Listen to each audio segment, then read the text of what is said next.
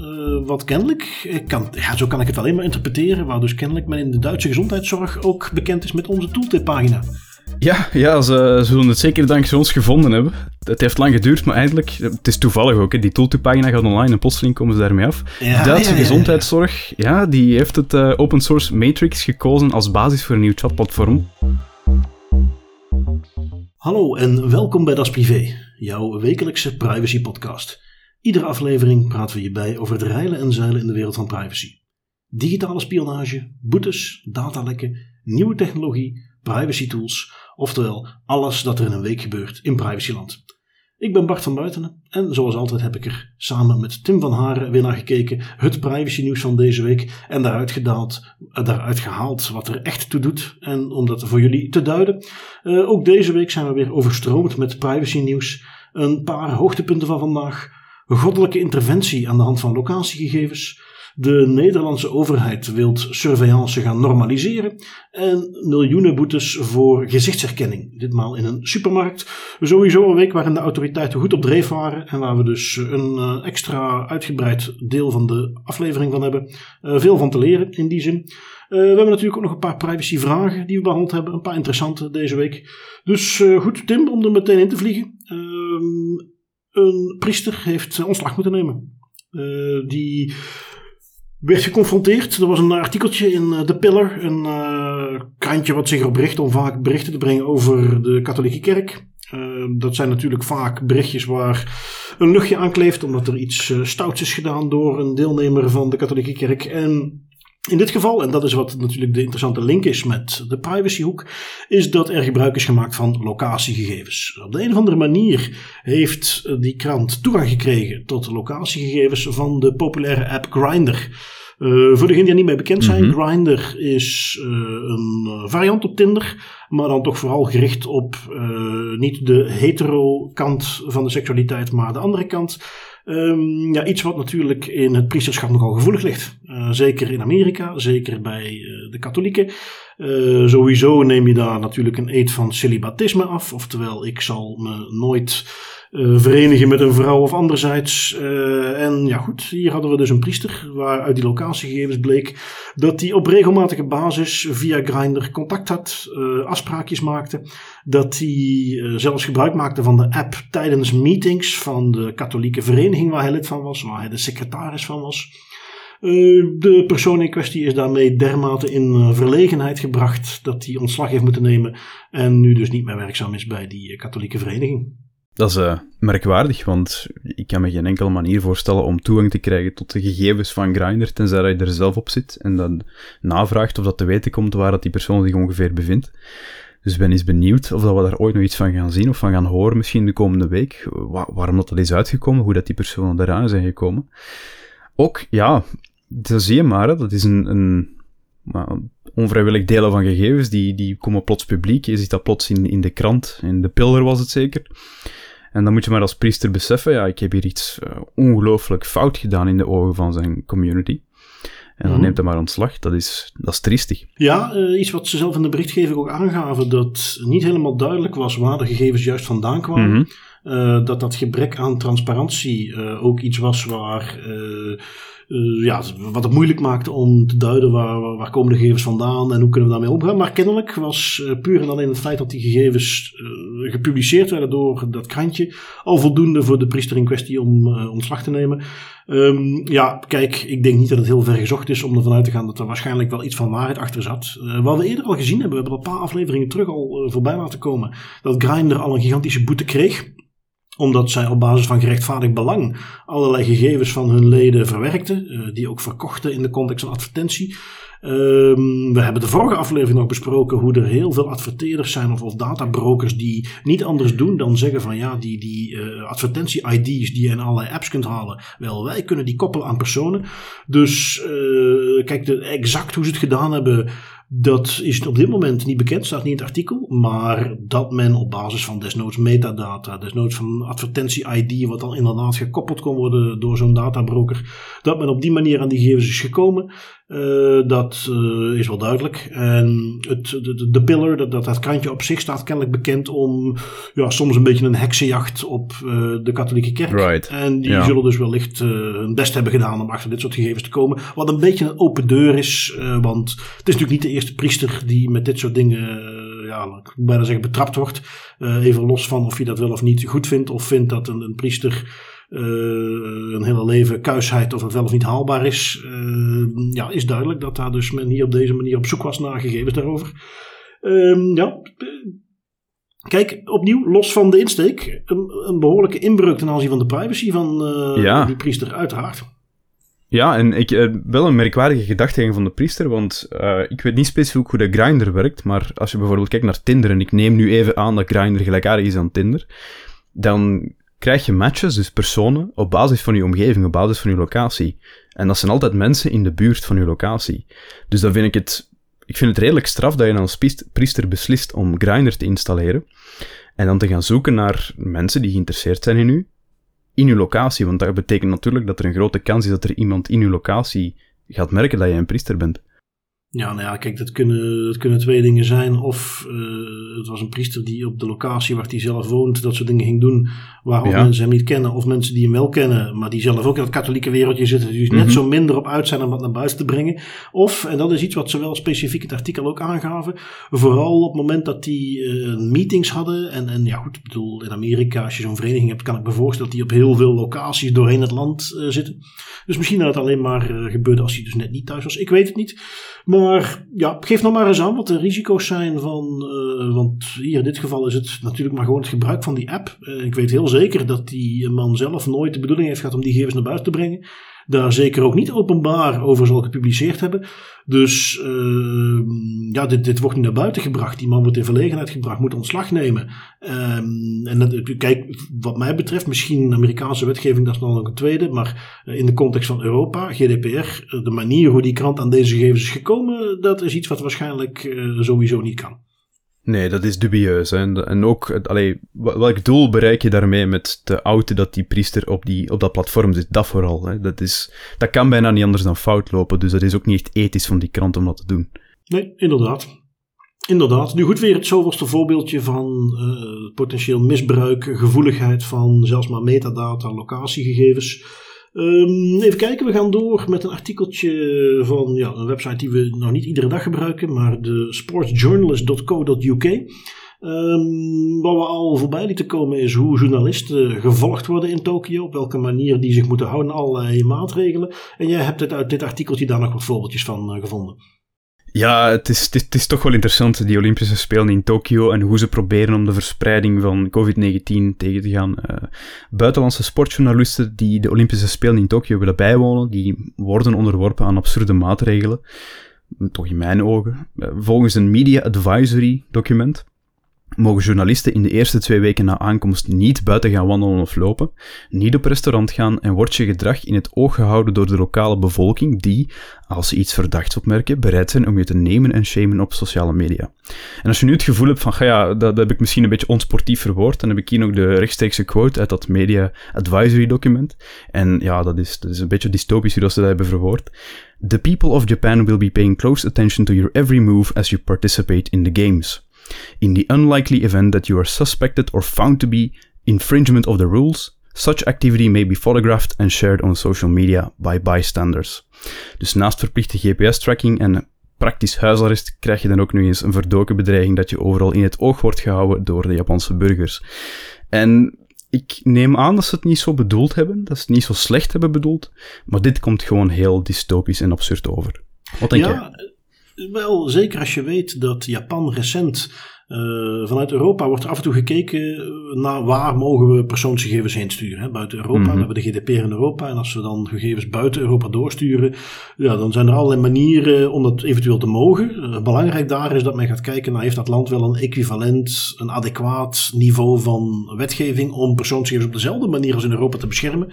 Want GDPR stopt niet met dat je die gegevens buiten Europa stuurt. Ook dan moet dat goed beschermd zijn. Wel, Japan heeft dus niet zo lang geleden, nog vorig jaar, een wat dan heet adequaatheidsbesluit gekregen, waarbij dus wordt gezegd dat Japan dezelfde soort wetgeving heeft en dat je daarom naar persoonsgegevens van Europeanen heen mag sturen, zonder allerlei ingewikkelde contracten of allerlei andere afspraken.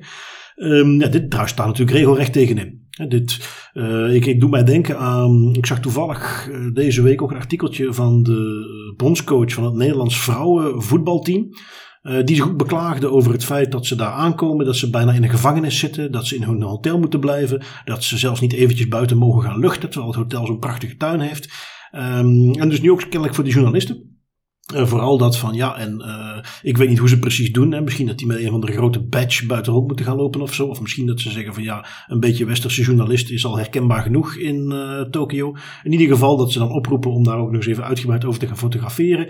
Um, in de context van wellicht dan volksgezondheid. Daar, daar is toch iets, laten we zeggen, disproportioneel ja, disproportioneel is inderdaad het minste dat je daarvan kan zeggen. Hè. Het, het, hele idee ook dat je ermee gaat dreigen, dat iedereen u in het oog houdt en dat als je iets fout doet, dat het gefotografeerd wordt en dat het op social media geneemd en geshamed wordt als journalist. Dat is, dat is vreemd en haalt ook niks uit in verband met, een, met virusbestrijding of infectiebestrijding. Dat, dat is gewoon bangmakerij en dat is niet hoe dat het zou moeten. Ja, kijk, het zal de angst zijn dat die mensen niet verspreiden als ze er zijn. Dus even twee wekentjes in hun hok moeten blijven. Um, nu goed, uh, privacy technisch dus zeker niet in orde. Waar kijken we verder naar? Uh, we hebben van tweakers.net een artikeltje over Akamai. Um, Akamai is een zogenaamde CDN, dat is een Content Delivery Network. Uh, Akamai lag plat en nam daarmee de helft van het internet mee. Voor de mensen die niet bekend zijn met een CDN, uh, wat moet je daarbij voorstellen? Uh, tegenwoordig met, met streamingdiensten, met websites die over heel de wereld hun goederen aanbieden, verkopen. Denk aan de Amazons van deze wereld, denk aan de Netflixen. Is het belangrijk dat jij mensen zo snel mogelijk kunt bedienen digitaal? En als ik toegang krijg tot data die in Japan staat, om die er maar even bij te pakken, ja, ook voor het internet is dat een behoorlijke afstand om te overbruggen. En zo'n Content Delivery Network, zorgt dat ervoor? Als je daar een abonnement op neemt, je betaalt die, dan kun jij delen van jouw inhoud, van jouw plaatjes op je website of productomschrijving of wat dan ook, streamingdiensten, kun jij eh, op verschillende plekken in hun netwerk hosten. Dan zetten zij dat voor jou klaar en dat betekent dus bijvoorbeeld als ik uh, vanuit België ga surfen naar een website waar oorspronkelijk misschien de data alleen maar in Amerika staat, gaan zij ervoor zorgen dat die ook ergens op een van hun Europese servers staan. Wat betekent dat concreet?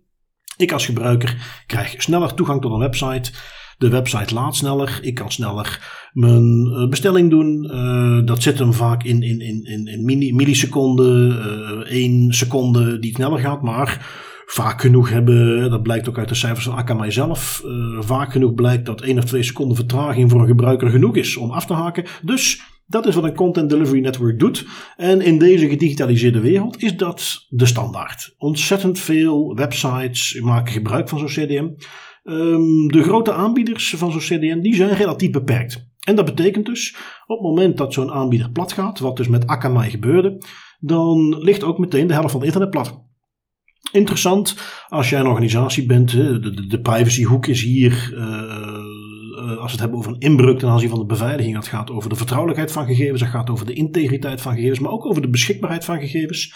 Als jij een online patiëntendossier bent, of jij bent een hulplijn, of jij bent een portaal van een overheid die op de een of andere manier afhangt aan zo'n CDM, ja, dan is het belangrijk om te weten dat daar toch eigenlijk wel een behoorlijke kwetsbaarheid in zit. Um, hier hebben we dus een voorbeeldje. Akamai had te maken met een, een, een bug, uh, iets ging er verkeerd in de settings en dus het halve internet lag eruit. Extra saillant, omdat uh, nog geen maand geleden, of iets meer dan een maand geleden, lag een andere grote CDN, uh, Fastly, lag er ook uit. En dat was dan de andere helft van het internet. Want je hebt echt maar twee, drie grote namen. Uh, je moet denken, toen Fastly eruit lag, zagen we onder andere de New York Times, CNN, Twitch, Reddit, Spotify die eruit lagen. Uh, bij uh, Akamai moet je denken aan uh, Amazon, Airbnb, politie.nl. Dus ook echt dat soort sites die dan getroffen worden. en ja, toch interessant om dan af en toe eens geconfronteerd te worden met het feit dat eigenlijk een heel groot deel van het internet achter twee, drie van dat soort grote partijen hangt. En als die plat gaan, dat vervolgens het halve internet gewoon plat ligt. Ja, interessant en angstaanjagend ook vooral. Als ik geconfronteerd word met zo'n artikel en met zo'n ongevallen, ook al is de downtime misschien maar een uur of een half uur. Het is angstaanjagend om te beseffen dat een heel groot deel van het internet inderdaad maar vasthangt of achterhangt aan twee, drie, vier bedrijven. En dat als die bedrijven plat liggen, dat ook de rest mee plat gaat. Dat is, um, het hele internet, het idee is, ja, het, staat online, dus er kan niks mee gebeuren. Maar als hetgeen dat het bereikbaar maakt online wegvalt, dan mag je nog altijd zeggen dat die data online staat, dan kan je er nog altijd niks mee gaan doen. En dat is iets, we worden daar nu geconfronteerd, mee geconfronteerd, en we weten nog niet zo goed hoe dat we daarmee moeten omgaan. Maar dit is wel een angstaanjagend uh, idee dat het, als die CDN's plat liggen, dat de rest ook erachter plat ligt en dat er geen enkele manier is om daar terug aan te geraken. Dus dat we volledig afhankelijk zijn van die bedrijven. Nee, nee, absoluut. En, en, en je hebt het dan, oké, goed, eh, we kunnen allemaal ook al, vinden we dat dan buitengewoon onprettig, maar we kunnen allemaal zonder Netflix, zonder Amazon, als het eventjes plat ligt. Maar je ziet, uh, of het nu om, om, politie.nl gaat, dat je geen meldingen zou kunnen doen, of, of Albert Heijn, of voor mij part zelfs videosites of nieuwswebsites, die toch belangrijk zijn in de context van verspreiding van informatie, uh, is het inderdaad iets om, om bij stil te staan, dat dat toch weer van een paar van die grote partijen afhangt. Um, goed, eh, iets waar we wellicht eens naar moeten kijken om dat wat uh, te verbeteren. Um, want er speelt zich nu helemaal ontzettend veel af uh, op het internet tegenwoordig. Dat weet ook activist Frank van der Linden, die het nieuws haalde met de NCTV.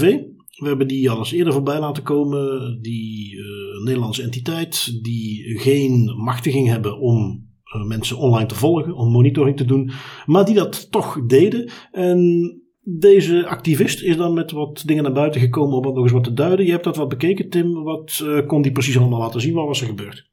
Ja, om meteen een beetje context te schetsen van wat dit nu zo merkwaardig maakt. In een Kamerdebat in juni stelde demissionair minister Grapperhaus uh, duidelijk dat de Nederlandse Nationale Coördinator Terrorismebestrijding en Veiligheid, of kortweg NCTV, geen personen volgt en geen gegevens verwerft over personen. Volgens hem volgt de NCTV in open bronnen het maatschappelijk debat, maar hebben ze niet als doel om personen in beeld te brengen. Dus dat is de officiële politieke lijn die nu gebruikt wordt.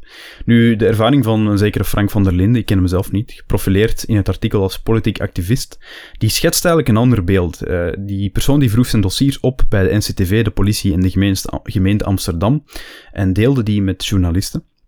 En surprise, surprise, monitor-specialisten van de NCTV volgden Frank op sociale media met een door hen gecreëerde nep-account, namen screenshots van politiek getinte tweets en schetsten op die manier een radicaal beeld van Frank.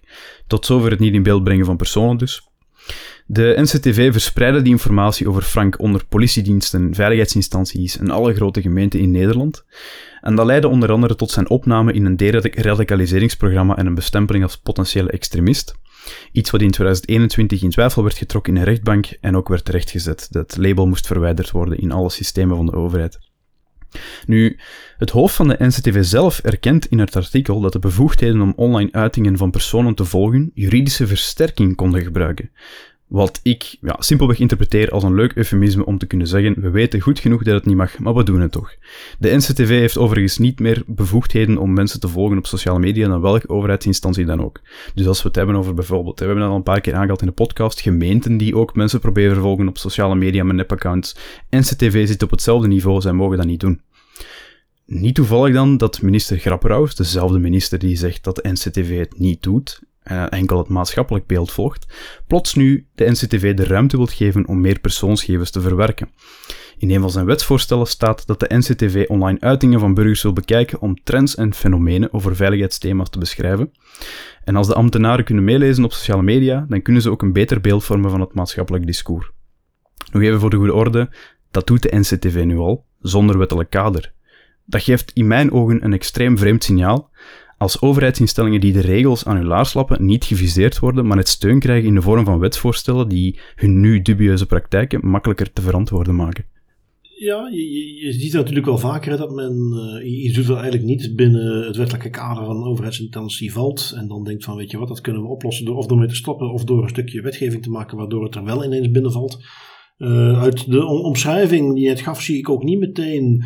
Uh, kijk, online dingen in de gaten houden is één ding. Maar uh, vervolgens via nep-accounts mensen echt specifiek mm -hmm. gaan monitoren is iets heel anders. En dat zie ik nog niet gedekt worden hier. Dat is we ook in eerdere podcast al eens aangeven. Dat is iets wat voorbehouden is aan inlichtingendiensten. En men lijkt hier wat te zinspelen op dat grijs gebied tussen uh, via nep-accounts structureel mensen in de gaten houden. En tussen toevallig in het kader van algemene opzoekingen is een keer iets van personen zien. Dat laatste kan op zich wel. Nou goed, wat de politiek activist hier dan duidelijk wilde maken met zijn opvragingen, is dat dat dus ja, wel degelijk structureel op hem geviseerd was en dus een, probleem is. We zullen zien wat dat, uh, wat dat inhoudt. Um, het komt wat neer op het normaliseren van dit soort surveillance. Er is een reden waarom we altijd gezegd hebben, of waarom er in ieder geval voorzien is dat maar een bepaald aantal entiteiten zoiets kunnen doen. En dan nu wetgeving gaan maken breder beschikbaar maakt.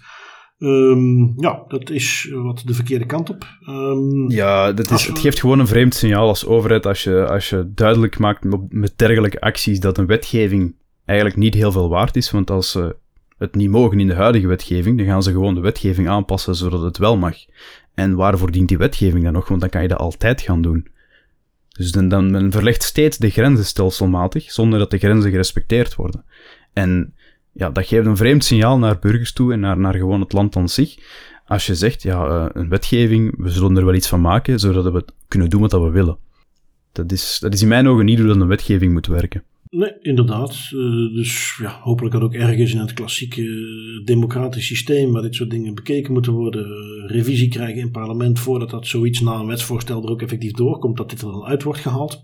Um, als we even kijken waar het dan wel goed toegepast wordt, dat een overheidsentiteit, een handhavingsdienst de boel monitort en in de gaten houdt, dan kijken we even naar een uh, recente activiteit van de politie in Nederland, die toch echt wel heel goed actief zijn. Hè, die met een high-tech crime unit, uh, die in de verschillende eenheden door het land zitten, met gespecialiseerde eenheden, um, die daar toch echt ook, ook echt wel wereldwijd bekend staan als, als uh, zeer effectief in het opsporen van cybercriminaliteit er iets aan doen. Uh, we hebben daar dus weer een voorbeeldje van. Uh, nu gaat het om een, ja, zal ik het noemen, een bende, een groep die zich de Fraud Family noemde. Uh, uit het artikel wat we dan hebben van The Record. Ik heb dat niet eens van een, een, een Nederlandstalig medium gehad. Er zal wellicht ook wel aandacht voor geweest zijn.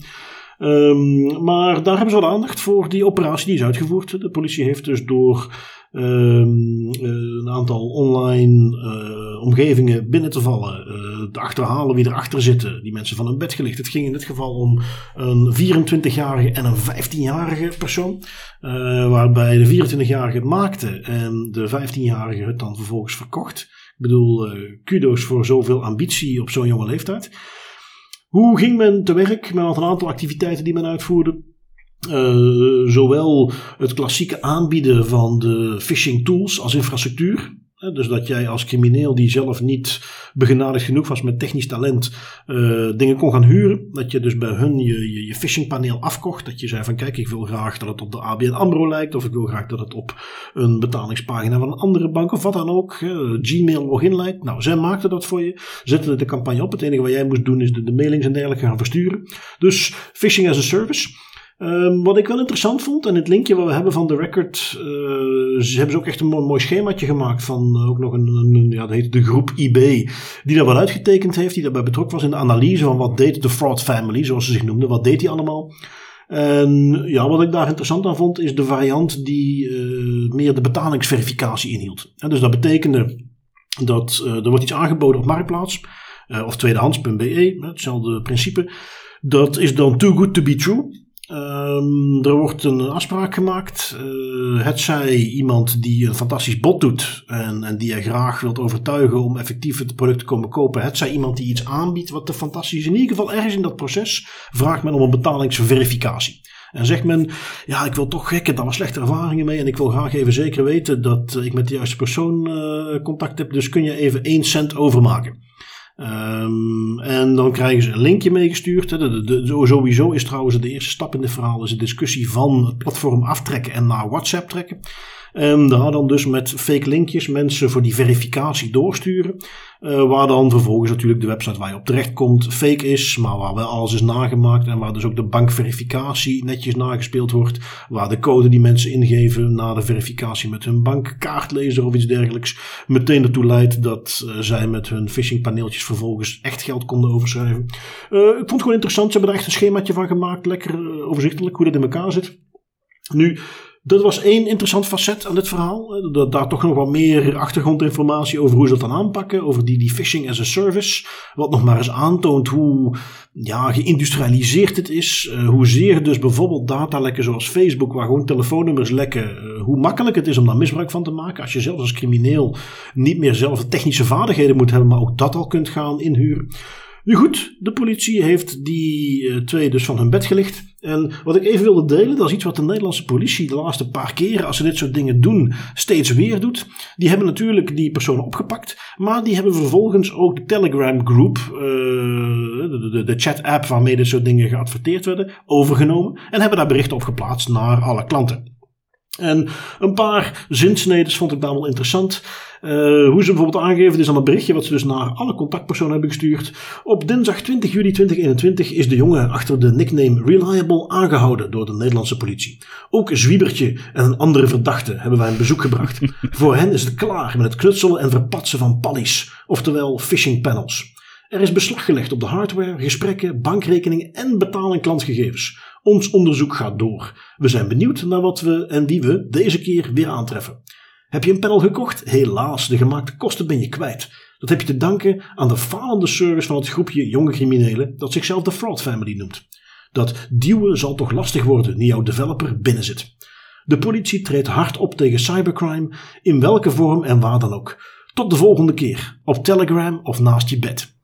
Vooral die laatste, ik vind oh, hem fantastisch die is zo perfect. En ik, ik vind het heerlijk dat de politie hier ook gebruik maakt van terminologie die gebruikt wordt in de chats, waarmee ze ook maar eens aangeven, we weten wat je allemaal hebt gezegd. Dat is pure psychologische oorlogsvoering en ik vind dat zo geniaal.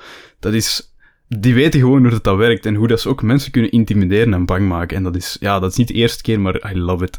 Prachtig. Nee, en dit, dit, is nu eens een, een, gepast voorbeeldje van een, een soort van intimidatie. Uh, mensen even mm -hmm. afschrikken. Hier kan ik perfect mee leven. Ook geen inbreuk van niemands privacy. Gewoon eventjes een bericht verspreiden. Uh, dus nee, uh, well done politie Nederland. Goede aanpak. En je ziet wel dus, en dat is iets wat we ook wel eens, wat ik, waar we altijd graag even belichten als we dit soort dingen voorbij laten komen. De politie is dus niet machteloos om dit soort dingen aan te pakken. Ehm, dus dat is iets opnieuw, wat we toch steeds willen benadrukken. Het kan, uh, het kost werk, maar men kan daar goede acties doen. Dus voordat we weer in discussie verzeild raken, geef maar iedereen toegang tot alle WhatsApp of Telegram berichten, want dat maakt het werk eenvoudiger. Kennelijk komen ze dus af en toe echt wel doorheen en zijn er uh, genoeg acties die nog wel mogelijk zijn. Opnieuw, dat gezegd zijnde, uh, goed werk en interessant hoe ze het aangepakt hebben. Um, als bruggetje naar uh, software die politiediensten ook kunnen gebruiken en die misschien iets minder uh, netjes is, uh, hebben we natuurlijk, we hebben het de vorige aflevering er ook al over gehad, over de makers van spyware, geïndustrialiseerde spyware, die ook weer aangeboden wordt aan regimes, aan politiediensten. Um, een voorbeeldje daarvan, wel, de vorige keer hadden we het over, uh, zeg ik het nu goed Tim, de Kandiru. Het was toch Kandiru? Kandiru. Kandiru, ja. ja. Kandiru, Israëlisch bedrijf. Uh, het is dus een Israëlische specialiteit. We vernoemden de vorige keer de NSO Group al eventjes. Dat was nog net voor dat wij hadden gezien wat voor berichten daar allemaal naar buiten kwamen over lijsten van 50.000 mensen die zogenaamd getarget waren. Uh, je hebt het van nader bekeken via ons artikeltje van de, de huissite security.nl. Uh, wat voor duiding kun je geven bij de activiteiten van NSO? Ja, uh, een, interessant artikel dat waaruit blijkt dat journalisten, activisten, mensenrechtenadvocaten en allerlei andere type personen waarvan je wel kan verwachten dat ze alles tegen de schenen schoppen van de politiek, bespioneerd worden via de Pegasus spyware van de Israëlische NSO-groep. Dat blijkt uit een uitvoerig onderzoek van Forbidden Stories, Amnesty International en verschillende mediaorganisaties zoals The Guardian nadat een gelekte lijst van 50.000 telefoonnummers in het bezit kwam van Forbidden Stories. Bij forensisch onderzoek van een kleine steekproef van gsm's met nummers op die lijst werden nauwe correlaties gevonden tussen de tijd en datum van een nummer in de gegevens en het begin van een Pegasus-activiteit op gsm's. Amnesty International onderzocht ongeveer 67 smartphones van doelwitten en kon bij 23 al vaststellen dat ze succesvol geïnfecteerd waren met die Pegasus spyware. Op 14 toestellen vertoonden ze tekenen van aanvalspogingen, maar was het niet succesvol. Dat is toch, al, dat is toch wel een stevig aantal bij gewoon een steekproef van 67 smartphones. Eenmaal geïnstalleerd op een telefoon is het via Pegasus mogelijk om slachtoffers via hun microfoon en camera te bespioneren. Je gsm wordt dus echt als het ware gewoon een recording en monitoring device. Uh, gesprekken en communicatie via WhatsApp, Gmail, Viber, Facebook, Telegram, Skype, WeChat, Signal, elke andere apps die je kan voorstellen af te luisteren en te onderscheppen, was allemaal mogelijk. En dat is, ja, dat is zeer zorgwekkend, want NSO-groep, wat dat zij doen, is zij maken mercenary spyware. We hebben het er in de vorige aflevering al over gehad. Eigenlijk spyware dat zij, zij ontwikkelen dat zelf en zij verkopen dat dan aan iedereen die daar interesse in heeft. En zij distancieren zich hiervan en zeggen, kijk, wij maken spyware voor een bepaald doel. En wat dat jullie daarmee doen, dat hebben wij niks mee te maken. Dat is een, een slimme manier om u daarvan te distancieren. No worries natuurlijk, en zo levert naar eigen zeggen technologie voor het opsporen van drugsdealers, vinden van vermiste kinderen en detectie van vijandige drones. Dat is weer al de holy trinity dat elk privacy of security argument zou moeten weren. Misdaadbestrijding, kinderen beschermen en antiterreur. Waar zouden we ons zorgen om moeten maken? Maar de realiteit is wel heel anders. De, de spyware, de Pegasus spyware die NSO ontwikkelt, die wordt gebruikt in ja, politiek onaangename regimes om dissidenten, journalisten, advocaten en dergelijke te targeten en te monitoren. En dat is zorgwekkend, want dat is eigenlijk gewoon een tool die door elke overheid, waar dan ook ter wereld, aangekocht kan worden en gemakkelijk gebruikt kan worden. Ja, um, hier misschien wat. Uh, want dit haalde het nieuws nu ongelooflijk. Uh, overal werd erover gesproken. Um, wat nuances die ik voorbij zag komen. Uh, Amnesty zelf, die toch voornamelijk trekker was in dit onderzoek, eh, de telefoons die zij onderzocht hebben, uh, ik heb daar op meerdere plekken voorbij zien komen. De manier hoe zij het onderzoek gedaan hebben, valt weinig op af te dingen. En dus die 67 smartphones, uh, waar ze dan bij 23 hebben vastgesteld die geïnfecteerd waren, dat is zo. Dat die 50.000 namen ook allemaal geïnfecteerd waren met Pegasus, is iets wat eigenlijk nergens vaststaat. Wat Amnesty zelf ook niet beweerd heeft. En wat dus te betwijfelen valt. Of in ieder geval waar NSO van zegt van ja, sorry, maar dat klopt volgens ons niet. Waar, waar komt die lijst vandaan? En daar is men wel vaag over. Dat is ook echt helemaal niet duidelijk. Daarnaast uh, weet ik dat uh, het wel zo is dat de NSO-groep daar, ook vanuit Israël zelf, die echt wel weten hoe politiek gevoelig dit ligt, dat men daar bepaalde grenzen aan stelt. Iets heel simpels, maar ja, hoe kan het ook anders? Dat zijn al jarenlang de beste vriendjes. Uh, telefoonnummers die beginnen met plus 1 kunnen niet gebruikt worden met Pegasus. Met andere woorden, Amerikaanse nummers. Um, zo hebben ze voor de rest nog een aantal uitsluitingsgronden die ze gebruiken. Um, ze hebben inderdaad een, een, policy waarin ze zeggen van kijk aan dit soort entiteiten verkopen wij deze software niet.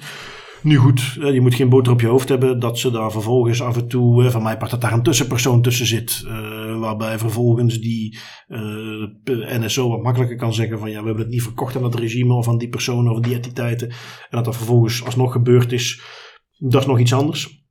Maar ik, ik, ik moet wel zeggen dat de, de gigantische ophef die ik de laatste weken overzag, daar vond ik wel overtrokken. NSO is niet nieuw. Eh, dat dit soort technologie bestaat is niet nieuw. Er zijn ook heel veel politiediensten die zeer gretig gebruik maken van deze technologie. Um, en, en zoals een politiedienst daar gebruik van hoort te maken. Dus ja, ik, ik, ik, ik, hing op twee gedachten. Aan de ene kant, we hebben het vorige week al gehad over Candigro en nu dus NSO Groep. En er zijn meerdere van dat soort bedrijven uh, die dat breedschalig uitvoeren. En uh, ja, ik, ik, ik, ik, heb hier zoiets. De verantwoordelijkheid kan ook wel gedeeld worden. Je, je, ziet ook dat er een probleem is. Daar vond ik een heel interessant artikel wat ik las. Uh, van Matthew Green, een, een, vrij bekende cryptografische professor die vrij veel hierover publiceert altijd. Die aangaf van ja, oké, goed, even los van het feit dat hier mogelijk sancties tegen moeten worden genomen, dat uh, de NSO-groep hiervoor voor een stuk verantwoordelijk gehouden moet worden. Ze kunnen meer doen om te zorgen dat hun software niet misbruikt wordt. Wil ik het ook even hebben over een andere kant van het verhaal. Hoe komt het dat de NSO-groep kennelijk in staat is om software te maken waarin zij keer op keer op keer erin slagen om zogenaamde zero days, dus kwetsbaarheden in software te vinden, waarmee je ook effectief kunt inbreken op al die toestellen. Uh, is er ook niet een stukje verantwoordelijkheid bij uh, Apple en bij Google, Samsung, om meer te doen aan security? Om er in ieder geval voor te zorgen dat de NSO-groep niet zoals ze dat nu doen, bijna triviaal, heel makkelijk steeds nieuwe exploits kan vinden uh, om die telefoons binnen te komen. Moet je ze niet ook gewoon moeilijker maken. Dat die software, om maar één ding te noemen, die nu honderdduizenden dollars kost als je die wilt kopen van NSO Groep, dat die miljoenen kost. Dat het ze moeilijker gemaakt wordt. En dat je op die manier al uh, in ieder geval uh, het gemak uh, beperkt en dus ook het gemak waarmee het gebruikt wordt. Um, en ja, dat, dat, vond ik wel interessante punten die dit wat nuanceren. neemt niet weg. Er is, is ontzettend veel bekend over de misbruik die van die software gemaakt wordt. En iets waar nauwer naar gekeken moet worden. Ja, ja, maar het is, het is wel een, een terecht punt dat je aanhaalt en een interessant punt ook, want hè, men wijst met de vinger naar NSO Group en zegt jullie zijn de boeman, jullie zijn de duivel, jullie zijn slecht, want jullie maken die spyware. Nee, daar, die, die mening deel ik ook wel van u, dat je inderdaad ook ergens kunt zeggen, zij maken de spyware, maar er zijn mensen die de spyware gebruiken en dat is nog veel erger. Regimes die, die spyware gaan loslaten op hun eigen burgers, op, op journalisten intern, omdat zij het niet zo goed hebben met de eigen politieke regimes die daar heersen. Allee, ik heb die analogie vorige week ook al eens gemaakt met, met een, een effectief fysiek wapen. Spyware, zeker die mercenary spyware die Israëlische bedrijven maken, is in mijn ogen gewoon een cyberwapen. En het zijn de mensen die dat wapen hanteren, die de eindverantwoordelijkheid hebben om daar degelijk mee om te gaan. En dat is wel ook iets dat we hier zien, dat niet is gebeurd. In, uit dat onderzoek blijkt niet alleen dat, dat die spyware gebruikt wordt, maar ook dat die spyware gebruikt wordt tegen mensen waarbij dat, dat gewoon los over de schreef gaat. Studenten die zich gewoon heel kritisch uiten tegenover een overheid, die worden geïnfecteerd met spyware op hun smartphone. Dat zijn zaken waar je van zegt, ja, dat is niet iets wat dat NSO faciliteert, dat, ja, maar het is de overheid, het regime, de, de, de target, de actor die ervoor zorgt dat zo'n doelwit gekozen wordt. Het, het, doet me ook denken aan iets waar we het de vorige keer ook al over hadden, waar ik overigens nu meteen even de gelegenheid heb om iets recht te zetten, want ik had het de vorige keer over het uh, verdrag van Wageningen, maar het is de Wassenaar Arrangement, wat de internationale afspraken zijn rond het exporteren van encryptietechnologie. Wel, uh, en, en waar men dus heeft afgesproken op wat voor manier je, uh, wat, wat destijds wat meer als gevaarlijke technologie werd gezien, dat is nu al wat minder natuurlijk, maar in ieder geval, zo'n soort afspraak internationaal zou er nu ook weer moeten komen. Voor wat voor mogelijkheden, capaciteiten mogen dit zo'n software maken? Mag die geëxporteerd worden? Um, het is makkelijk om dan met de vinger te wijzen voor een bedrijf wat uiteindelijk is het ethisch? Daar kun je zwaar over discussiëren. Is het illegaal? Wel, op dit moment simpelweg niet. En daar zou je iets aan moeten doen. Um, linkje met andere soort grootschalige software, wat gebruikt wordt door onder andere handhavingsdiensten, maar nog op veel andere manieren, is natuurlijk gezichtsherkenning. Daar is ook ontzettend veel om te doen. Dat is iets waar we in Europa langzaam toe bewegen. Je ziet toch echt wel een hele sterke beweging bestaan om dat in heel veel contexten gewoon te gaan verbieden. Uh, dat dat niet gebruikt mag worden. Uh, en daarom vond ik het extra opvallend dat twee van de bedrijven die daar het meest onbekend staan, we hebben wat bij ons de pers behoorlijk gehaald heeft, Clearview AI. Uh, die, die, organisatie, die softwarebedrijfje, dat uh, op het internet ging rondschuimen en gewoon alle beeldmateriaal wat ze konden vinden in een grote database gestopt hebben, algoritmen erop gebouwd hebben en daardoor gezichtsherkenning kon gaan doen. Ze zeggen zelf 3 miljard individuen destijds. Um, ondertussen de Zweedse autoriteit die de politiedienst al beboet heeft, daar is heel veel om te doen geweest, maar ondertussen blijven die dus doorgaan en hebben ze nu recent 30 miljoen investeringen opgehaald. Um, een concurrent, uh, Anyvision, die komt straks in de aflevering nog terug bij uh, de autoriteiten, uh, heeft, 300, heeft zelfs 235 miljoen opgehaald. Um, daar zie je dus Anyvision, ja, niet toevallig een Israëlisch bedrijfje. Dat is toch iets waar je ziet dat daar toch een overduidelijke specialisatie zit in die hoek van de wereld. Um, Anyvision, wat ook al eens het nieuws haalde met dat die technologie werd ingezet om uh, Palestijnen in de gaten te houden. Ja, die gemonitord werden aan de hand van die gezichtsherkenningstechnologie. Dat was in 2019. Um, is iets waar, want dit is een, voor Anyvision is het een Series C funding. Als je een beetje bekend bent met investeringen, je hebt Series A, dat is de eerste ronde van investeringen, en vaak B, C, en dat kan nog veel verder gaan. Ja, als je meer investeringsrondes doet, betekent dat meestal dat je meer geld op gaat halen. Dus zij hebben nu 235 miljoen opgehaald om dus nog verder uit te bouwen. Um, uh, wat ze zelf aangeven bij Anyvision is van ja, wij, wij gaan ons nu focussen op de zogenaamde edge computing. Waarbij we dus onze technologie willen aanbieden. Niet alleen uh, vanuit een, een, een groot datacenter waar als je die data heen stuurt, wij dan vervolgens daar onze analyse opdoen en, en terugkoppelen naar gezichtsherkenning, maar dat die ook op uh, toestellen, eindtoestellen werkt. Denk aan bodycams, denk aan uh, smart cameras, waar dus ze nu ervoor willen zorgen dat ze hun technologie zo ontwikkelen dat de efficiëntie waarmee ze dat kunnen doen, de efficiëntie van de algoritmes op zo'n manier werkt dat je dat dus echt op kleine, ik noem maar wat, een politieagent moet met zijn mobiele telefoon rond kunnen lopen, uh, voor hem het publiek scannen en meteen een hit krijgen. In plaats van dat dat via uh, beveiligingscamera's uh, doorgestuurd wordt naar grote datacentra waar het gecrunched wordt en men uiteindelijk tot gezichtsherkenning over kan gaan. Om het dus veel breder beschikbaar te maken. Ja, goed, daar wordt dus 235 miljoen ingepompt om dat soort dingen mogelijk te maken. En dat dan afzetten tegen een beweging in Europa dat we dat langzaam willen gaan verbieden. Interessant gegeven. Ja, zeer interessant gegeven. En zeer interessant om te zien dat hier echt wel, dat hier met geld gesmeten wordt naar een technologie die ja, in, in mijn ogen geen al te positief effect kan hebben op de samenleving, als ik het even neem. Facial recognition. De, de use cases waar ik het nu gebruikt zie worden, dat zijn niet altijd de meest positieve use cases. Dat gaat over mensen detecteren in een massa, dat gaat over mensen detecteren die potentieel iets gaan fout doen. Dus misschien is dat omdat ik nog niet genoeg use cases heb gezien waar dat facial recognition ook effectief gebruikt wordt in een, in een, een use case of een doeleinde dat echt een positief effect moet hebben op de samenleving. Ik zie het vooral nu gebruikt worden als het gaat om handhaving, als het gaat om politiewerk, als het gaat om het monitoren van mensen. Ja, probeer je iets positiefs te bedenken. probeer je eens een positieve use case te bedenken. Um, laat ik er eens even één willekeurig in gooien. Uh, vermiste personen. We zien dat nu heel vaak terugkomen. Uh, men heeft ontzettend veel moeite om aan informatie te komen. Stel nu dat al die databronnen gebruikt worden voor het opsporen van vermiste personen. Nou, daar valt nog iets voor te zeggen. Um, ik moet zeggen dat mijn voorraadje positieve use cases daar wel meteen mee stopt. Uh, misschien Precies, te bedenken. Maar daar zit hem het een beetje in. Hè? En dat zie je nu veel te weinig. Kijk, die investeringen, dat is heel simpel. Uh, daar ziet een investeringsfonds gewoon geld in. Punt. Daar interesseert ze helemaal niks wie dat gaat gebruiken, hoe dat gaat uh, toegepast worden, uh, welk nadeel het voor een maatschappij heeft. Ehm, ik wil graag positief zijn over investeringsfondsen. Wie weet zijn er ook investeringsfondsen die zich heel bewust profileren als een ethisch investeringsfonds. Die kijken naar dingen die de maatschappij verbeteren. Dat, dat moet bestaan. Ik ken ze niet, maar het moet bestaan. Uh, hier duidelijk niet het geval. In ieder geval, je zou eens wat meer focus willen zien op dit soort technologie in te zetten, inderdaad, om dingen te verbeteren. Uh, ik noem maar wat. Uh, verzekeringen die gebruik maken van algoritmes. Uh, niet om mensen een hogere premie op te kunnen leggen, maar om mensen te kunnen belonen als ze positief omgaan. Um, hetzelfde met verzekeringen rond auto's.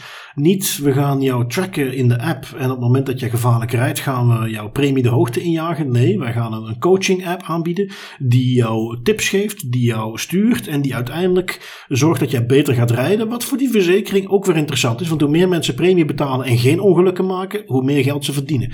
Iedereen blij. Um, dat is wat ik veel liever zou willen zien. Uh, dat men dus eens gaat focussen op, op toepassen van dit soort technologie. Uh, op een manier die inderdaad niks te maken heeft met uh, inbreuk op privacy. En, het moet kunnen. interessant denkoefening om eens te denken hoe zouden we gezichtsherkenning kunnen gaan inzetten op een manier dat wie weet dit soort bedrijfjes er zelfs gewoon hun geld mee kunnen verdienen, maar dat we niet langzaamaan toewerken naar een surveillance maatschappij. Ja, en, en als uh, een van de luisteraars bijvoorbeeld een idee heeft van wat een positief effect zou kunnen zijn, of een positieve use case voor facial recognition, of eender welke vorm van recognition, uh, laat het zeker weten op Twitter. Hè? Want ik ben wel benieuwd. Mijn creativiteit stopt hier. Ik kan er momenteel geen bedenken, maar ik ben wel benieuwd wat dat jullie denken. Ja, ja, ja. Um, even zien. Dan, uh, jij had een, een artikeltje gevonden, uh, wat kennelijk, ik kan, ja, zo kan ik het alleen maar interpreteren, waar dus kennelijk men in de Duitse gezondheidszorg ook bekend is met onze tooltip-pagina. Ja, ja ze zullen het zeker dankzij ons gevonden hebben. Het heeft lang geduurd, maar eindelijk, het is toevallig ook, hè, die tooltip-pagina gaat online en plotseling komen ze daarmee af. de Duitse gezondheidszorg, ja, die heeft het uh, open source Matrix gekozen als basis voor een nieuw chatplatform, specificatie die end-to-end -end encrypted communicatie moet bieden voor zorginstellingen. De Duitse overheidsinstantie Gematik, ik denk dat ik dat juist uitspreek, maar ik kan mij vergissen, verantwoordelijk voor de digitalisering van de Duitse gezondheidszorg, heeft de specificatie TI Messenger opgesteld voor de te ontwikkelen chat-apps. Volgens Gematik spelen berichtendiensten binnen de gezondheidszorg een steeds belangrijkere rol, maar lopen zorginstellingen tegen allerlei hindernissen zoals interoperabiliteit en voldoende bescherming van gevoelige gegevens. En dat moet de TI Messenger specificatie en het onderliggende Matrix-protocol nu oplossen. Ze gaan het dus voor de duidelijkheid niet zelf uitbouwen, die applicaties, maar geven wel de broodnodige richting aan derde partijen die chat-apps voor zorginstellingen willen ontwikkelen. En ik, in, onder het mom van positiviteit weer al, ik vind dat een prachtig voorbeeld van een overheid die verantwoordelijkheid neemt om een reëel probleem op te lossen. Het gebrek aan duidelijkheid en richting in de beveiliging van de gezond, gezondheidszorg. Uit eigen ervaring kan ik zeggen dat de einddoelen rond privacy en security vaak wel duidelijk zijn, maar dat zorginstellingen nog wel wat worstelen met het vinden van een concrete aanpak om die einddoelen te bereiken. Specificaties zoals deze geven de nodige aanpak mee, zonder zich verder te mengen in de ontwikkeling en het gebruik van die applicaties. Dus dat, is, dat vind ik perfect. vind ik prachtig.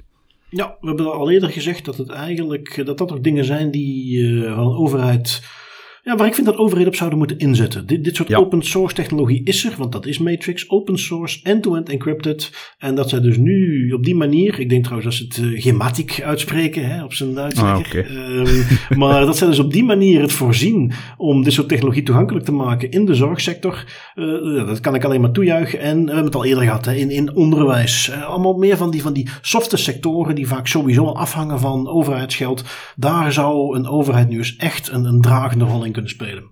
Um, ja, een dragende en een dicterende rol ook. Hè. De, zij gaan het, Gematic gaat het niet zelf ontwikkelen, die applicaties, maar zij geven gewoon de nodige richtlijnen mee, zodat die zorginstellingen in heel Duitsland allemaal dezelfde specificaties hebben voor chatapplicaties. En dat is mooi, want dat is vaak de vraag van, ja, oké, we weten dat we privacy en security goed moeten, moeten ontwikkelen en dat we daar rekening mee moeten houden, maar hoe? Dat lost dat nu op. En mooi dat dat, ja, kijk, vanuit een overheid in een sector waar ja. er, zit geen winstbejag in en maakt het per definitie dat dat dus iets is waar, waar privébedrijven, kijk ook naar Microsoft, die hebben fantastische security tools, maar alleen als je het duurste abonnement neemt. En dat is waar dit soort initiatieven zo goed in zijn, dat is dat soort security georiënteerde oplossingen, privacy by design, wel toegankelijk te maken. En ja, daar hoop ik dat we dat gewoon uh, vaker gaan zien. Um, dat gaat ook helpen als bruggetje naar ons volgende artikeltje van uh, ja, zowel de Europese Commissie zelf, de Europese Unie zelf, als iets wat in The Guardian voorbij kwam.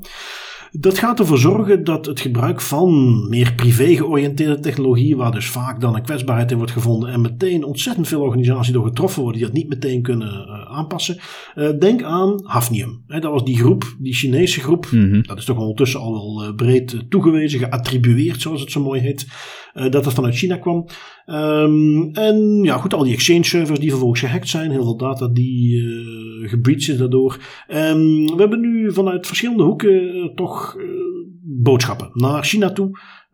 waarbij bijvoorbeeld nu de Europa een, een, statement naar buiten heeft gebracht. Een, gezamenlijk statement, een verklaring. Waarin ze zeggen van ja, China, kijk. Um, die aanvallen die gebeuren op onze infrastructuur, en, ja, die komen allemaal van jullie territorium en dat vinden we echt niet cool. Uh, daar moet je iets aan gaan doen, daar moet je beter op gaan letten.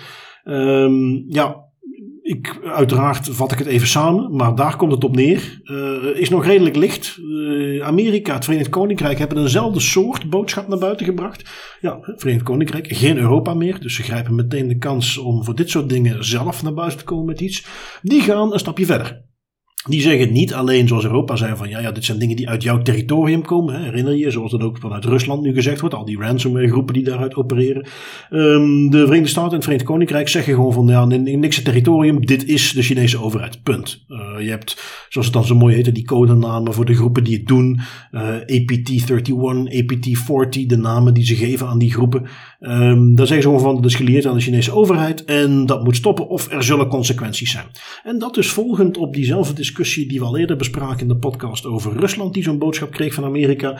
Je ziet mm -hmm. langzaam maar zeker, stapje bij stapje, begint men duidelijk te maken van ja, dat er bepaalde natiestaten zijn die eenzijdig continu dit soort aanvallen doen. Daar moet iets mee gebeuren. Dat gaan we als internationale gemeenschap niet langer pikken. De consequenties zelf uiteraard laten ze nog een beetje in het midden. Uh, maar opnieuw, je ziet dat het iets is waar gevolg aan wordt gegeven en waar men toch langzaamaan concreter in wilt gaan worden. Ja, het is een, een interessante shift op te volgen. Hè? Dat idee dat uh, politieke leiders en, en, en nu ook elkaar met de vinger gaan toewijzen als er cyberaanvallen gebeuren. Iets wat dat vijf jaar geleden ondenkelijk was. Dat, dat Amerika zou zeggen van China, het is jouw fout. Met 100% zekerheid. Ja, Nee, absoluut. Het is, het is een interessante shift en ik ben vooral benieuwd waar dat die shift ons naartoe gaat brengen. Want nu is het vooral nog met de vinger wijzen en zeggen stop daarmee. Maar dat gaat ook niet blijven duren. En ik ben dan vooral benieuwd als we bijvoorbeeld kijken naar de Biden-administration in Amerika. Rusland met een ransomware aanvallen, die gaan niet meteen stoppen. Wat gaan ze daartegen doen? Ja, Hoe gaan ze dat handhaven? Een beetje het klassieke beleid verwacht ik dan wat Trump daar heeft geïnitieerd. Uh, economische sancties, uh, ja, embargo's en dergelijke. Nou ja, the usual. Um, nu goed, interessant op te volgen. Gaat gegaan dit nog, nog vaker voorbij komen. We hebben dan uh, wat ondertussen zo'n beetje een aparte categorie is geworden. De datalekken. Uh, we hebben weer een paar mooie voorbij laten komen. ik had er eentje. ik had hem van de NOS-website. NOS.nl. Um, ehm, ongetwijfeld op andere media ook naar voren gekomen. Daar had ik hem vandaan. Een wijkagent. Hè, zoals je... Ik, ik weet niet, ja, ik heb ook op Twitter, ook in België zie dat voorbij komen wijkagenten die, die een beetje mee willen doen. Die een beetje hip willen zijn, die outreach willen doen, de community willen bereiken en laten zien wat ze allemaal voor het volk doen. En zo hadden we dus weer een wijkagent die ongetwijfeld met de beste bedoelingen een mooie Instagram story online zette over zijn activiteit als wijkagent. Maakte daarbij dus een filmpje zoals het hoort bij een Instagram story. Op dat filmpje was vervolgens ook het scherm in zijn auto te zien. En op dat scherm was te zien hoe een melding binnenkwam van huiselijk geweld. Op dat scherm was ook te zien hoe het 06-nummer van het slachtoffer erop te zien was. De naam van het slachtoffer, het adres van het slachtoffer. Um, nou ja, oliedom natuurlijk. Um, goed, dat kwam naar buiten. De, in dit geval Omroep Brabant zoals de naam insinueert, in eh, Noord-Brabant in Nederland, een eh, bekende omroep daar, die eh, viel dat op. Hè. De agent zelf had het niet gezien, het is Omroep Brabant die het ging melden. Ehm, de politie heeft het dan vervolgens moeten gaan ja, corrigeren. Ze hebben dat rechtgezet. Ze moeten het waarschijnlijk gaan melden bij wat ze dan het informatie- en meldpunt privacy van de autoriteit persoonsgegevens noemen. Dat is iets waar de privacyambtenaren van de politie zich momenteel nog over buigen, melden ze in het artikel. Wel, laat ik ze daar een handje mee helpen. Ja, dit zul je moeten melden. Daar hoeven we niet over na te denken. Ah, dit is ook weer zo. Ik vind het langs de ene kant wel erg, want allee, die wijkagent, beste bedoelingen, zoals je zelf al aangeeft, een beetje outreach, een beetje hippelen doen, een beetje connecties willen zoeken met je buurt iets dat ik ook alleen maar kan aanmoedigen. Die tools zijn er, iedereen zit op social media, je mag dat best gebruiken. Maar ik vind dan ook dat de, de politiekantoren daar wel een beetje awareness in moeten geven. Als je merkt dat uw agenten op social media zitten, geef ze eens de namiddag even een training over wat mag je wel fotograferen, wat mag je niet fotograferen, wat mag je wel delen, van niet. dat is meer dan genoeg. Namiddag. Dit is, dit is geen uh, diepgaande discussie over moeten we hier met toestemming of gerechtvaardigd belang werken of moeten we een transfer impact assessment uitvoeren bij deze internationale doorgifte van persoonsgegevens. Dit is gewoon laten we geen gegevens van slachtoffers op Instagram zetten dit is te doen. dit is iets wat te voorkomen is. Ja, dat is het. Het is simpel. Gewoon een namiddagtraining. Als we het dan, uh, ja, precies, makkelijk te voorkomen. En, en als we het hebben over dingen die te voorkomen zijn, dan kijken we ook eventjes naar eentje die jij uh, van security.nl had gehaald. Um, een coronatestbedrijf die al te maken had gehad met een, een oepsje, een datalekje. Uh, en die nog een schuitje bovenop deden, als ik me niet vergis. Ja, ja, coronatestbedrijf Test Corona Nu, eh, bekend van het lek van vorige week, waarbij 60.000 personen, de persoonsgegevens van 60.000 personen lekten en door het lek iedereen in de coronadatabase van het testbedrijf negatieve testen kon toevoegen. Die hebben een nieuw lek ten gevolge van het eerste lek. Uh, ze wouden hun, hun vaccinatiecentra sluiten na dat lek wouden een mail sturen met, het, met daarin het bericht van ja, kijk jongens, sorry, we fucked up en nu moeten jullie even wachten voor je vaccin kan krijgen. En in de blunder des blunders hebben ze alle e-mails in CC gezet in plaats van BCC. Dus uh, een stuk of duizend, duizend aantal e-mails plotseling in CC, zo klassiek als maar kan eigenlijk. En iets dat ik vond bij het, bij het uh, graven en het, en het, lezen van het artikel, dat testbedrijf, Test Corona Nu, is aangesloten op het Corona Check netwerk en onderdeel van overheidsinitiatief Testen voor je reis.nl. Dat betekent simpelweg dat de overheid het gebruik van het bedrijf aanraadt en subsidieert. En enkel en alleen al om aan te sluiten op het CoronaCheck-netwerk moet je als bedrijf voldoen aan strenge beveiligingseisen en onder andere een pentest laten uitvoeren. Dus ik vraag mij gewoon oprecht af, hoe kan, je, hoe kan het dat zo'n bedrijf geaccepteerd wordt als betrouwbare partner van de overheid, terwijl ze kinderlijk eenvoudige fouten maken? Wacht even Tim, wil jij nu zeggen dat we hier een, een, een context hebben waarin er strenge beveiligingseisen worden opgelegd en dat vervolgens er bedrijven zijn die zich daar niet aan houden? ja, het is bijna onwaarschijnlijk, hè? Shocker. Ja, ja. ja, nou is, ik vind het gewoon absurd. Eh, wat, wat hier dan waarschijnlijk gebeurd is, wat we heel vaak zien. Ik bedoel, stap 1 is iets wat al moeilijk genoeg was, maar nu zien we steeds vaker, ook in de context van verwerkersovereenkomsten, dat er duidelijke beveiligingseisen worden opgelegd vanuit de overheid in allerlei sectoren. Ik denk dat vanaf nu wordt stap 2 heel belangrijk. Is ook iets wat men drie jaar geleden in de GDPR voor het eerst specifiek ging benoemen. Dat principe van je moet een overeenkomst hebben is iets wat al in de vroegere privacy privacywetgeving ook stond, wat er nu aan is toegevoegd is. En we willen dat je ook gaat vaststellen of die partij zich er ook aan houden. En dat is iets wat we nu zien dat denk ik veel strenger gaat moeten gebeuren. Uh, Idealiter voordat men daarmee in zee gaat. Want dat is denk ik wat er nu niet gebeurd is. Hè. Ja, je kunt u wel 10.000 beveiligingseisen gaan stellen aan die partners, maar die kunnen dan wel zeggen, ja, ja, we zullen het doen, drie jaar bezig zijn en dat nog altijd niet gedaan hebben. Ja, maar Check eerst voordat je dat doet. corona, Tim, het moet allemaal snel gaan. Dus volksgezondheid hebben we allemaal geen tijd voor. En dan krijg je dus dit, een, een systeem met certificaten waar vervolgens iedereen voor zichzelf als hij Ja. zin heeft een certificaat kan aanmaken. Want, laten we niet vergeten, we gaven het vorige keer ook al aan, het lek op zich was te simpel voor woorden. Hè? Ik bedoel, we zeiden net, in die Ja. beveiligingsvereisten stond, je moet een pentest laten uitvoeren. Het lek waar je gebruik van kon maken, dat had dus kennelijk, van wat ik ervan gelezen heb, te maken met een SQL injection kwetsbaarheid. De meest basic kwetsbaarheid ooit eh, gepubliceerd. Dus daar is geen pentest op gebeurd. Klopt. Daar, daar, daar hoef je, daar kun je op twee vingers natellen. Ehm, dus ja, terecht om te zien dat die nog eens aan de schandpaal genaagd, genageld worden. Opnieuw, ik ben daar niet altijd fan van dat men dat breed uitmeet of dat de schuld bij een bedrijf komt te liggen. Maar hier in dit geval eh, vind ik dat daar best wel iets voor te zeggen valt. Zeker als je het dan vervolgens nog eens even dunnetjes overdoet door duizenden mensen in CC te zetten.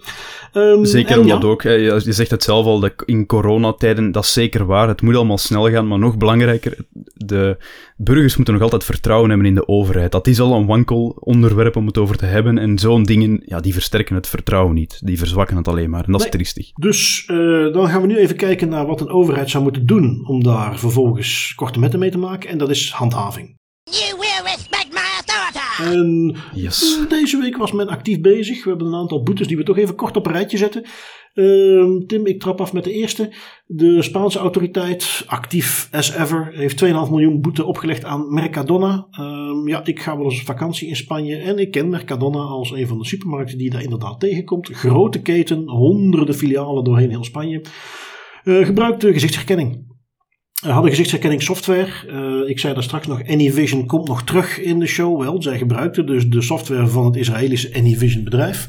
Ehm, is iets waar ze eh, niet geheimzinnig over deden. Eh, het is iets waar ze echt wel mee naar buiten traden. We gaan dit doen. Waar zij zeiden van ja, mensen die een, een toegangsverbod hebben gekregen. En, en niet zomaar, maar echt al uitgesproken door een rechter. Die gaan we opnemen in die database. Eh, we voorzien daar een, een tweetrapsysteem. We hebben eerst de automatische detectie. Vervolgens hebben we een manuele verificatie dat het effectief die persoon is. Om misbruiken te voorkomen. Is wel iets waar vervolgens eh, al in juli 2020 door de AIPD een onderzoek eh, gestart werd. Omdat ze al zeiden van ja, maakt me niet uit wat voor maatregelen je daar hebt genomen. Dit kan nog steeds niet. Hè. We zien hier weer het klassieke eh, stukje van proportionaliteit. Want wat ga je tegelijkertijd wel doen om dat efficiënt in te zetten? Jij gaat dus iedere bezoeker van jouw supermarkt ga jij analyseren, ga je door je database halen. En eh, men gaf aan, ja dat doen we maar 0,3 seconden, wordt dan opgeslagen. Maar desalniettemin ga je dat dus wel doen. En ja, proportionaliteit. Hetzelfde als altijd. Is er niet een manier om hetzelfde doel of gelijkaardig te bereiken met minder ingrijpende dingen? Dus daar ging een onderzoek over. Eh, ja, daar heeft men dus nu ehm uitsluitsel over. Dat is bekendgemaakt. Men heeft een boete van 2,5 miljoen gekregen, Mercadona, voor het gebruik van deze software. Nu ehm, doorgaan naar de volgende boete van de IPD. Eh, want ze waren weer op dreef uiteraard. Ehm, ja, die had jij bekeken. Wat was een ander besluit? Ja, ook een interessante. De Spaanse autoriteit heeft een boete van 10.000 euro aan een individu voor het verspreiden van een video op Twitter waarin beelden werden getoond van gendergerelateerd geweld, zonder dat de slachtoffers eh, onherkenbaar werden gemaakt. De video werd ook gedeeld door media, maar daar werd eh, de, de slachtoffers wel gepixeld en onherkenbaar gemaakt. Een beetje jammer, want de video werd eigenlijk oorspronkelijk gebruikt om awareness op te roepen tegen gendergerelateerd geweld, eh, iets waar iedereen wel voor is. Maar had het nogal onhandige neveneffect dat de slachtoffers herkenbaar werden gemaakt. En dat zeker op Twitter, dat is niet echt eh, iets dat je wilt. Opmerkelijk, vooral omdat het een individu betreft. Uiteindelijk heeft die persoon maar 6000 euro moeten betalen in plaats van 10.000, want hij heeft vrijwillig betaald en schuld bekend. Dus ja, geheel in stijl van de Spaanse autoriteit. Korting op het moment dat je snel af wilt handelen. Ehm, schakelen we door naar TikTok. 750.000 euro boete op zich niet mis. Eh, autoriteit persoonsgegevens in Nederland heeft die boete opgelegd. Eh, boete omdat alle informatie die ze verstrekten, basisverplichting in privacywetgeving, je moet betrokkenen wiens gegevens je verwerkt inlichten over wat je doet. In dit geval had TikTok alleen maar in het Engels dat soort privacy notices beschikbaar. Aangezien zij zich heel Mhm. duidelijk richten ook op een jonge doelgroep, eh, had die informatie minstens in het Nederlands beschikbaar moeten zijn. Wat ik aan deze vooral interessant vond, niet zozeer TikTok boete, dat gaan we denk ik de komende tijd nog wel meer zien, maar is dat TikTok eventjes een, een heel smichterig foefje uit heeft gehaald. Zij waren namelijk dus onderwerp van een onderzoek door de autoriteit persoonsgegevens, waar een heleboel andere dingen ook voorbij zouden komen, maar gedurende het onderzoek hebben zij hun vestiging verplaatst naar Ierland, waardoor ineens de Ierse autoriteit bevoegd is, de autoriteit die, zoals we al vaak aangehaald hebben, een ontzettende backlog heeft aan klachten en waar ze er dus rustig vanuit mogen gaan dat ze de komende jaren daar niks meer van gaan horen. Ik wil helemaal niet insinueren dat TikTok dit bewust heeft gedaan, maar het zal ze niet slecht uitkomen. Um, maar goed, uh, dus ja, geeft de autoriteit persoonsgegevens ook aan. We hebben de rest van onze bevindingen en de zaak doorgegeven aan de Ierse autoriteit die het nu verder op gaat moeten pakken. Um, dus ja, we hebben Spanje, we hebben Nederland. Ja, dan kan Frankrijk niet uitblijven. Um, de KNIL heeft nog eens een keer een uh, degelijke boete uitgedeeld. Uh, 1,75 miljoen euro aan AG. Um, wat klassieker. Uh, wat ik op zich opmerkelijk vond is de doorlooptijd van deze klacht. In oktober 2019 al uh, bekend, uh, onderzoek uitgevoerd. Dan is er wat op en neer gestuurd met aanvullende documentatie. februari 2020 spreken we als dat allemaal is doorgestuurd. Dan in november 2020 heeft men pas een rapporteur aangesteld. We hebben natuurlijk in de tussentijd eventjes hoogtepunt coronacrisis. Dat zal dan wel een van de redenen zijn die uiteindelijk in april 2021 met resultaten kwam. Nog een hoorzitting, maar dus nu een uitspraak. Um, waar ging dat vooral over? AG de die uh, gegevens eh, misbruikte rond uh, telemarketing. Die ook naar informatievoorziening over het gebruik van die gegevens niet helder was. Die de bewaartermijn niet respecteerde. In die zin dus redelijk klassieke aspecten. Maar vooral vanwege de omvang. Uh, AG de geen klein bedrijf. hebben ze deze boete gekregen. 1,75 miljoen. Dus ja, simpel gezegd mogen we toch wel stellen dat de autoriteiten deze week zeer actief waren. Um, springen we even door naar wat ik toch eh, een, een steeds meer gewaardeerde rubriek vind van de podcast. De privacyvragen van de luisteraars. Um, we hadden de vorige keer eentje van Tim. Ging over, die we niet konden doen omdat we er al te veel hadden. Um, ging over het gebruik van bedrijfsbadges. De concrete vraag was: hoe zit het met bedrijfsbadges, toegangspasjes? Mag daar een foto en naam op of niet? Um, wat laat je er best af voor de veiligheid, privacy, security? Uh, bij ons in bedrijf nu een mix van naam plus logo, uh, enkel het logo, blanco, ehm, elektrische en elektronische apparaten, fabrikages wat het bedrijf doet, R&D, productie van die dingen. Ik had dat nagevraagd van, goh, wat doet jullie bedrijf? Want het antwoord op deze vraag is zoals bij heel veel dingen in GDPR-land, privacyland, ja, dat hangt er vanaf. Um, wat is iets wat wel een klassiek gegeven is, uh, en dat is misschien het eerste stukje wat nuttig is om mee te geven. Als werkgever is het ontzettend moeilijk om toestemming te vragen aan je medewerkers. Dus de optie gaan geven van ja, wat vinden jullie fijn om op je badge te hebben, is, is, is moeilijk, omdat die altijd voor discussie vatbaar is, omdat men dus zegt van ja, als werkgever zit je in een positie dat er een bepaalde hiërarchie is, een bepaalde financiële afhankelijkheid en is dus toestemming vragen moeilijk. Want hoe vrij is een personeelslid om toestemming te geven? Uh, wie weet dat hij zich onder druk gezet voelt om zijn foto op de beste te laten zetten. Dus dat is al moeilijk. En dan kom je bij die andere mogelijkheid dat je als werkgever zegt van ja goed, wij hebben gewoon een bepaald belang om dit te doen. En dan moet je de afweging gaan maken tussen de, de privacyrechten van de betrokkenen en tussen jouw belang als bedrijf.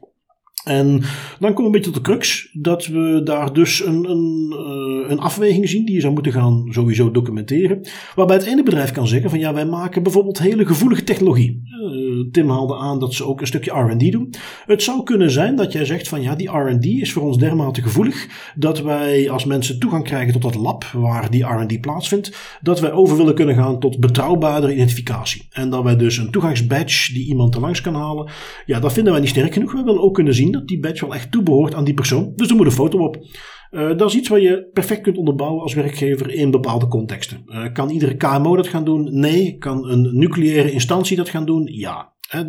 Goed, en alles daartussenin is een kwestie van afwegingen. Um, ook een andere context waar ik dat ken is in ziekenhuizen, waar men zegt van ja kijk, een, foto en toch in ieder geval de voornaam uh, is iets wat ook belangrijk is naar de patiënt toe. Uh, schept een band waar men daar ook mee te maken heeft gehad. Eerst bijvoorbeeld dat, ja, helaas gebeurt dat dat een verpleegster of verpleger natuurlijk slachtoffer wordt van stalking. Een patiënt heeft de naam onthouden, gaat die naar opzoeken. Social media gaat die lastigvallen. Um, dus daar ook weer dat je de balans moet zoeken tussen ja, hoeveel, wat willen we bereiken? We vertrouwen bij de patiënt. Ja, misschien kunnen we dan ook gewoon volstaan met een badge. Even voor de duidelijkheid, dat gaat dan niet om specifiek een toegangsbadge, maar gewoon een badge waar mensen mee rondlopen ter identificatie. Waar we misschien kunnen volstaan met een foto en de naam. Um, dus Tim, om daar een beetje op te antwoorden. Um, zomaar stellen, uh, foto, naam, toenaam op een badge is niet iets wat zomaar kan. Daar zal men moeten gaan onderbouwen waarom is dat noodzakelijk. Maar, mits men daar de goede afwegingen maakt, mits men kan laten zien als organisatie waarom is het belangrijk dat we dit doen, is dat wel degelijk mogelijk. En goed, dat is hier eventjes het antwoord op die privacyvraag. Dan hadden we nog een interessante. Um, Michelangelo had een, een, leuke, vond ik. En Tim, dat is er eentje die jij wat hebt uitgezocht. Ja, Michelangelo die uh, vraagt zich af of gepersonaliseerde advertentietracking werkt wanneer je smart TV is aangesloten op een piehole of dat het gewoon helemaal stopt met werken. Nu, ik ben dat eens gaan uitzoeken met een, smart, met een Samsung Smart TV in mijn eigen piehole. En je kan tracking en ads in een Smart TV tegenhouden met een piehole, maar je moet wel letten op een aantal zaken. De Smart TV-fabrikanten, zeker Samsung, die weten ondertussen ook hoe DNS-sinkholes zoals een piehole werken. En ja, in een, in een, een vieze move vind ik, die hardcoden vaak DNS-servers in het toestel zelf. Waardoor je piehole niets doet, omdat het verkeer niet langs je piehole loopt. Check dus altijd als je je Smart TV aan een piehole hangt, of het DNS-verkeer van je Smart TV effectief door je piehole gaat. Als dat zo is, dan zal je piehole die advertenties wel blokken en die tracking. Daarnaast, en dat is ook belangrijk om mee te geven, de Smart TV heeft ook applicaties zoals YouTube. En daar is het lastig om ads te blokken, aangezien YouTube ads levert via dezelfde domeinen als de content zelf. Je kan dus niet zomaar ja, die naar een pile gaan verwijzen, want wat er dan gebeurt is dat je video's op YouTube ook niet meer kan gaan bekijken.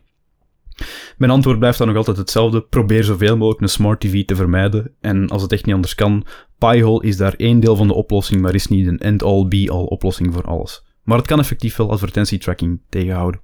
Ja, wat ik daar misschien nog heel even aan toe wil voegen, voor mensen die niet bekend zijn met een, een, een DNS-server of wat dat precies betekent. Uh, je hebt zoiets als youtube.com, dat de naam uiteraard, die tikken we in in onze browser. Nu, computers werken zo uiteraard niet, die hebben op de achtergrond gebruiken die IP-adressen en een DNS Simpel gezegd is uh, een, een soort uh, telefoonboek wat online beschikbaar is. Dat wordt bijgehouden op bekende servers die dat uh, doen. Waar bijgehouden wordt van, ah, als wij vanuit een browser youtube.com zien staan, wel, beste computer, als je dat gaat opzoeken, kom dat bij ons even navragen en dan vertellen wij jou dat is dit IP-adres en dan weet je waar je heen moet gaan.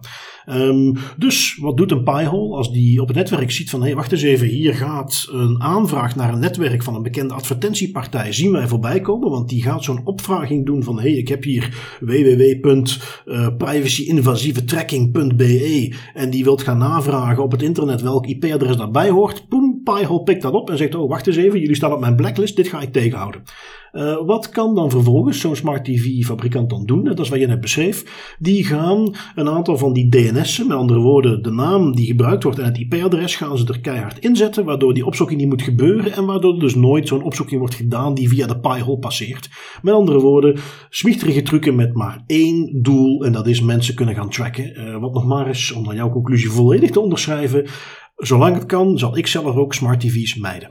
Ja, dat is de, de centrale boodschap. Hè. En dat, is, dat geldt eigenlijk voor heel veel IoT-dingen. Het is vaak leuk, het is vaak handig, maar vergeet ook niet dat vaak bij smart dingen dat jij nog altijd het product bent. En dat vind ik, ik vind dat ook oneerlijk om er even nog een, een halve minuut op in te gaan. Dat is, ik vind dat zo smichterig, zoals jij zelf al mooi zegt, Bart, dat bedrijven je peperdure technologie aanbieden, dat je die peperdure technologie aankoopt, en dat je dan alsnog behandeld wordt als een product en dat uw data alsnog vergaard wordt om te gaan verkopen. Ja, helemaal mee eens, absoluut. Um, wat hebben we dan nog als dessert? De privacy tools. Ik heb er zelf eentje meegenomen. Uh, ja, kijk, uh, ter beveiliging van websites. En in die zin dus ook naar privacy toe belangrijk genoeg. Misschien meer security georiënteerd. Maar ik bedacht mij, dat is eigenlijk iets wat ik zelf, ook bijvoorbeeld voor de Das Privé website, al jaren gebruik op iedere website. Vroeger deed ik dat wat meer dan nu, die ik ooit gemaakt heb met uh, WordPress. En ik gebruik een tooltje dat heet WordFence. Um, WordFence is een plugin. Uh, opnieuw voor de zekerheid. Uh, ja, een, gigantische hoeveelheid van de websites op het internet draait op een stukje website, uh, programma, applicatie waarmee je die websites kunt laten draaien. Heel veel websites laten natuurlijk allerlei mooie pagina's zien. Maar als je vervolgens vanuit marketing een website wilt aanpassen, wil je zelf de code niet induiken, wil je dat gewoon eventjes kunnen doen door ergens in te loggen en op een hele gebruiksvriendelijke manier de inhoud van een website aan te kunnen passen. WordPress is zo'n systeem, is het meest gebruikte systeem ter wereld. En het, tooltje WordFence, wat ik nu aanraad, is dus een plugin. Dus dat is iets wat super simpel te installeren is. Vanuit je WordPress-omgeving kun je gewoon intikken, uh, nieuw plugin, uh, WordFence. En die doet een aantal simpele beveiligingsdingen. Die houdt in de gaten wie probeert hier in te loggen op de admin-pagina. Probeert men dat uh, op een simpele manier te hacken. Die blokkeert dat soort dingen automatisch. Die doet een aantal dingen relatief basic. De gratis variant. Je kunt ook een betaalde variant nemen. Heb ik zelf niet. Uh, doet voor in de gratis variant al meteen een aantal basic security dingen die een WordPress installatie uh, meteen een heel stuk beveiligt. Dus warme aanrader, echt een, een basic ding wat wat mij betreft in nice. iedere WordPress installatie actief moet zijn. Ja, en ook leuk in de, de WordPress Spirit dat het redelijk gemakkelijk is om in te stellen en te gebruiken. Het is een plugin, dat is gewoon instellen en go. Inderdaad, absoluut. En, en, en verhoogt dus uh, het niveau van basisbeveiliging van je WordPress-site, of het nu voor jouw kleine VZW'tje, kamer of wat dan ook is, aanzienlijk. Um, nice. Jij hebt uh, wellicht in functie van de uitzoekwerk rond de privacyvraag een geleerd toeltje gevonden. Ja, ik wou de luisteraars niet laten hangen en ik heb een gids gevonden, de Pi-hole Force DNS-gids van LabZilla. Dat is een handige stap-voor-stap gids om DNS-verkeer van IoT-toestellen zoals smart TV's met hardcore DNS-servers door de Pi-hole te laten vloeien. Ideaal voor iedereen dus die het beu is om een spionerende smart TV in de living te hebben staan. Oké, uh, dus meteen een oplossing voor het probleempje wat we eerder schetsten van de smart TV's. Um, goed, dan zijn wij aan het einde gekomen van onze aflevering, Tim. Ik wil jou, onze luisteraars, weer even van harte bedanken. Ik vond het, uh, al zeg ik het zelf, weer een buitengewoon interessante aflevering. Ik hoop jij ook. En ik hoop onze luisteraars ook. Ja, ja, zoals altijd weer dol op pret en veel te weinig tijd om over al die interessante onderwerpen in te gaan. Inderdaad. Goed, tot volgende week. Tot volgende week.